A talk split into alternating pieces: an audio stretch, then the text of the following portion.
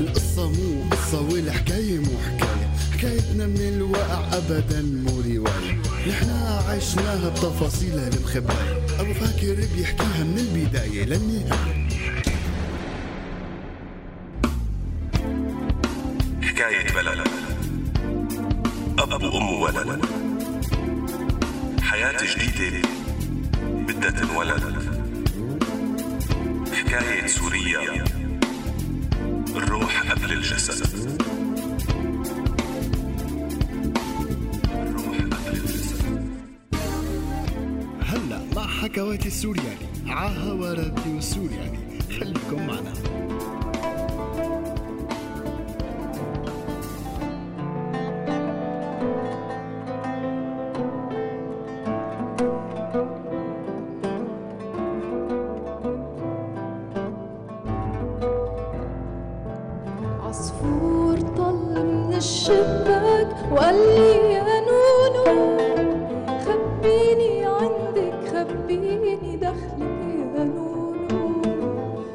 خبيني عندك خبيني دخلك يا نونو قلت له أنت من وين؟ قال لي من حدود السماء. قلت له جاي من وين؟ قال لي من بيت الجيران. قلت له خايف من مين؟ قال لي من القفص هربان. قلت له ريشاتك وين؟ قال لي فرفضها الزمان عصفور طل من الشباك وقال لي نونو. خبيني عندك خبيني دخلك يا ما فهم مجد ليش هو ممنوع من السفر. دفتر عسكريته معه. مكتوب عليه إنه مؤجل دراسيا أساسا لساته بكالوريا يعني لسه ما صار وقت سحبه على العسكرية. وهويته معه. جواز سفره معه. التيكت المحجوزة نظامية. وابن عمته يلي وضعه مثله تماما مرق وما حدا قال له ما فيك تسافر. ليش أنا لا؟ سأل الموظف تبع الجوازات يلي بمطار دمشق الدولي يلي قال له اسمك عليه إشارة منع من السفر. أنا ما عندي أي معلومات أكتر. جواز سفرك بتستلمه من هنيك وأشر له على ضابط عم يتمشى بين العالم ويتفحص كل بنظرة بوليسية عالية الجودة وكأنه حيقدر يعرف المتهم من نظرة واحدة. وراح جواز السفر مع عنصر تاني ووصل لأبو إياد يلي مسك الباسبور ومعه الورقة يلي كتب الموظف ويلي عليها رقم القرار يلي بناء عليه محطوطة الإشارة على الاسم وابتسم. رفع راسه واطلع بالعالم عم يدور على صاحب الباسبور. طبعا مجد لحاله راح لعنده لأنه بده يفهم شو القصة وليش هو ممنوع من السفر. فكان الجواب من أبو إياد إنه بدك تجيب موافقة أمنية من فرع المعلومات. فرع المعلومات؟ شو هاد فرع المعلومات؟ وليش بدي موافقة أمنية؟ سأله مجد. فكان الرد إنه هلأ بنعطيك إشعار مكتوب عليه العنوان. بتروح وبتفهم من هنيك تعال يا ابني استلم الشاب وجوازه. خده وسجل اسمه وعطيه إشعار المراجعة لفرع المعلومات. وسلموا أبو إياد الباسبور للعنصر اللي إجا رقيد. أخدوا لمجد معه وراحوا على مكتب بالزاوية. قعد العنصر وراه وفتح دفتر كبير عليه كومة جداول وأسماء وبلش بده يكتب بس قبل ما يكتب اطلع بمجد وقال له لوين مسافر؟ فرد مجد انه على القاهرة. إلك حدا هنيك؟ لا طالع مع ابن عمتي ورفقاتنا كم يوم نمضي عطلة الربيع هنيك ونرجع قبل الفصل الثاني بس شكلها راحت علينا السفرة لأفهم شو القصة هون استند العنصر على الكرسي واطلع فيه لمجد من فوق لتحت وقال له حريص إنك تسافر هالسفرة؟ طبعا بالتأكيد كان جواب مجد إنه إيه يعني مو معقول ما يكون مهتم فيها. يعني دافع حق ال ticket وحاجز ما معقول يعني تطير ال ticket وتروح العطلة. لا وفوقها حيسافر ابن عمته ورفقاتهم ويشوفوا مصر وهو لا. وخود بكرة على مجاكرة بالصور والقصص بس يرجعوا. وهون العنصر دق على صدره وقال له ولا يهمك. اتركها علي أنا بزبط لك إياها. بس يعني بدك ما تنسانا من الحلوان.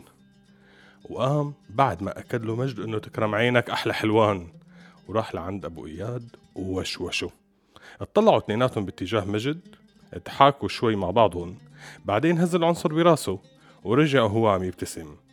قرب منه المجد وقال له هات الحلاوة. قام ناوله فورا 500 ليرة.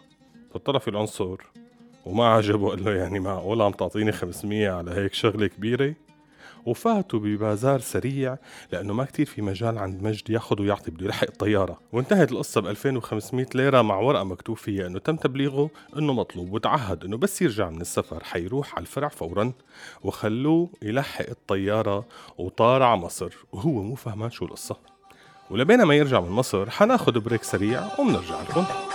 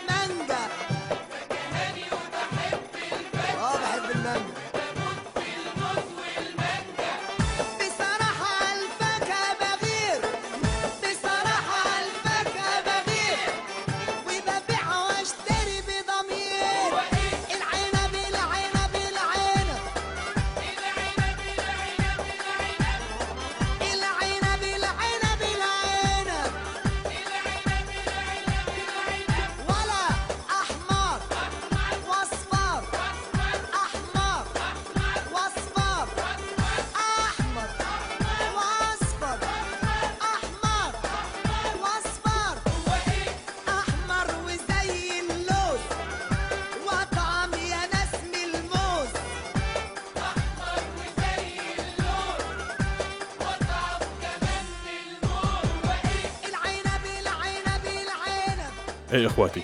طبعا ما تواخذوني فتكم بالحديث هذا الكلام كان بأول التسعينات يعني وقتها ال 2500 ليره كانوا يحكوا كانوا ظابطين رشوة ماكنة يعني مشان تظبط أمورك يعني مشان ما حدا يقول لي إنه بس 2500 شو هالضابط رخيص هاد؟ لا يا إخواتي أبو إياد كان ضابط غالي وبيقبض غالي. المهم رجع مجد من السفرة ولقى مذكرة بالمطار ناطرته مشان يراجع الفرع بعد أسبوع وحجزوا له الجواز وقالوا له بتستلمه من هونيك ما لقى أبو إياد ولا العنصري اللي كان معه؟ الله أعلم وينهم نزل من المطار على حمص حتى يخبر أهله ويشوفوا شو ممكن يساووا. رجع طلع على الشام وقت صار الموعد ووصل على الفرع مع وعد من أحد أصدقاء أبوه إنه قدر يوصي فيه ما يقلق.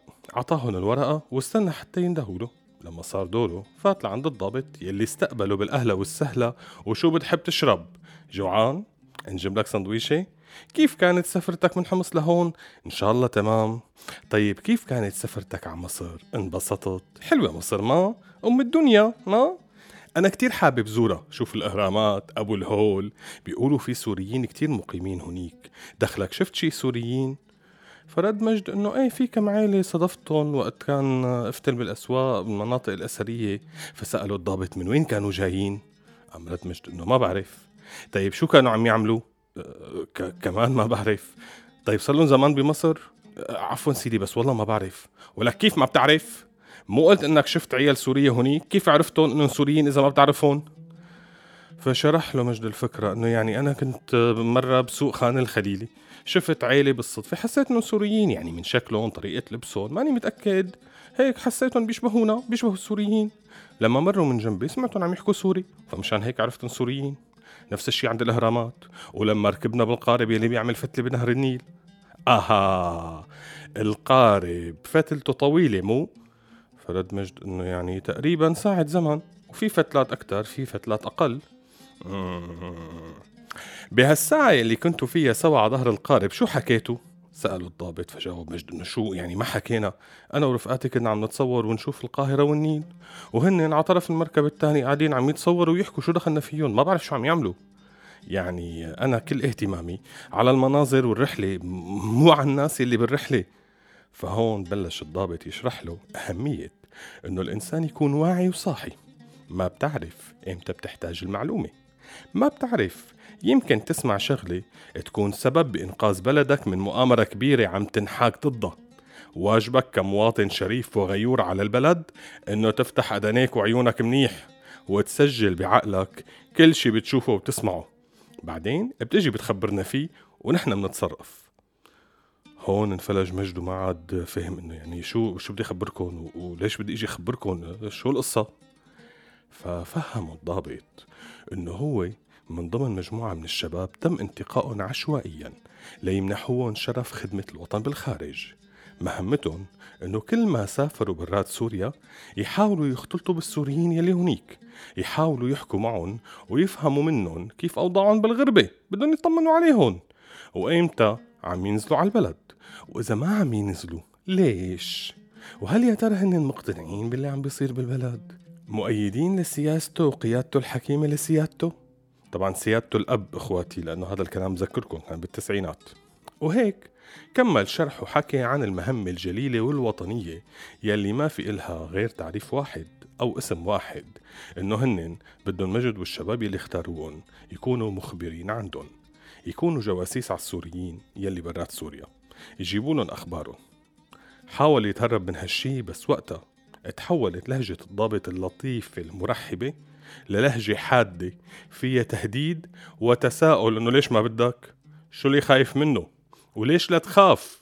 لا تكون موافق إنه البلد تنحاك حول المؤامرات والدسائس ومن هالتهم يلي بترعب هالشي خلاه لمجد يقول لا ابدا سيدي أنا بالخدمة أكيد ما عندي أغلى من البلد وأمنة وأمانة وانتهت المقابلة مع توضيح إنه كل ما بده يسافر لازم يمر لعندهم ياخد موافقة أمنية حتى يقدر يسافر وبس يرجع من السفر. لازم يمر ويخبرهم مين شاف بالسفرة وشو سمع.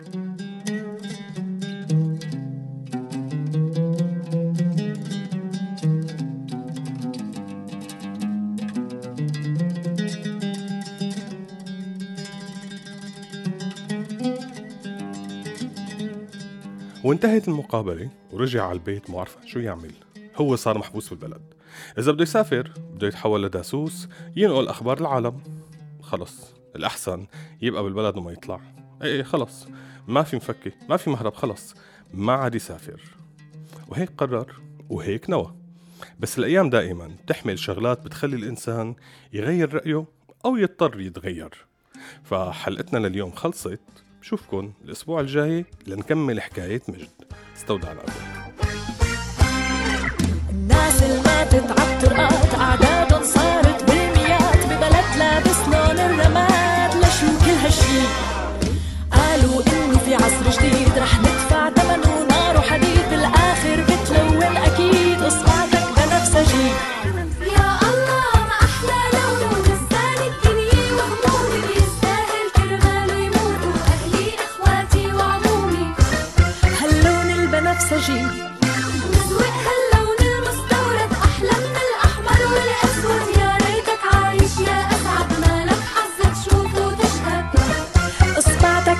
s'agit.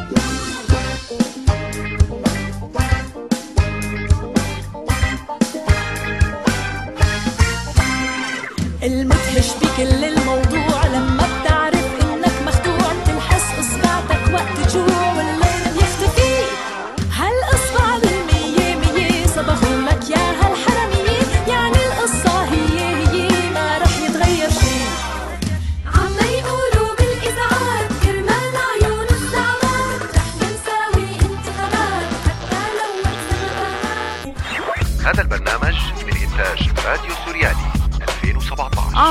On Radio Suryani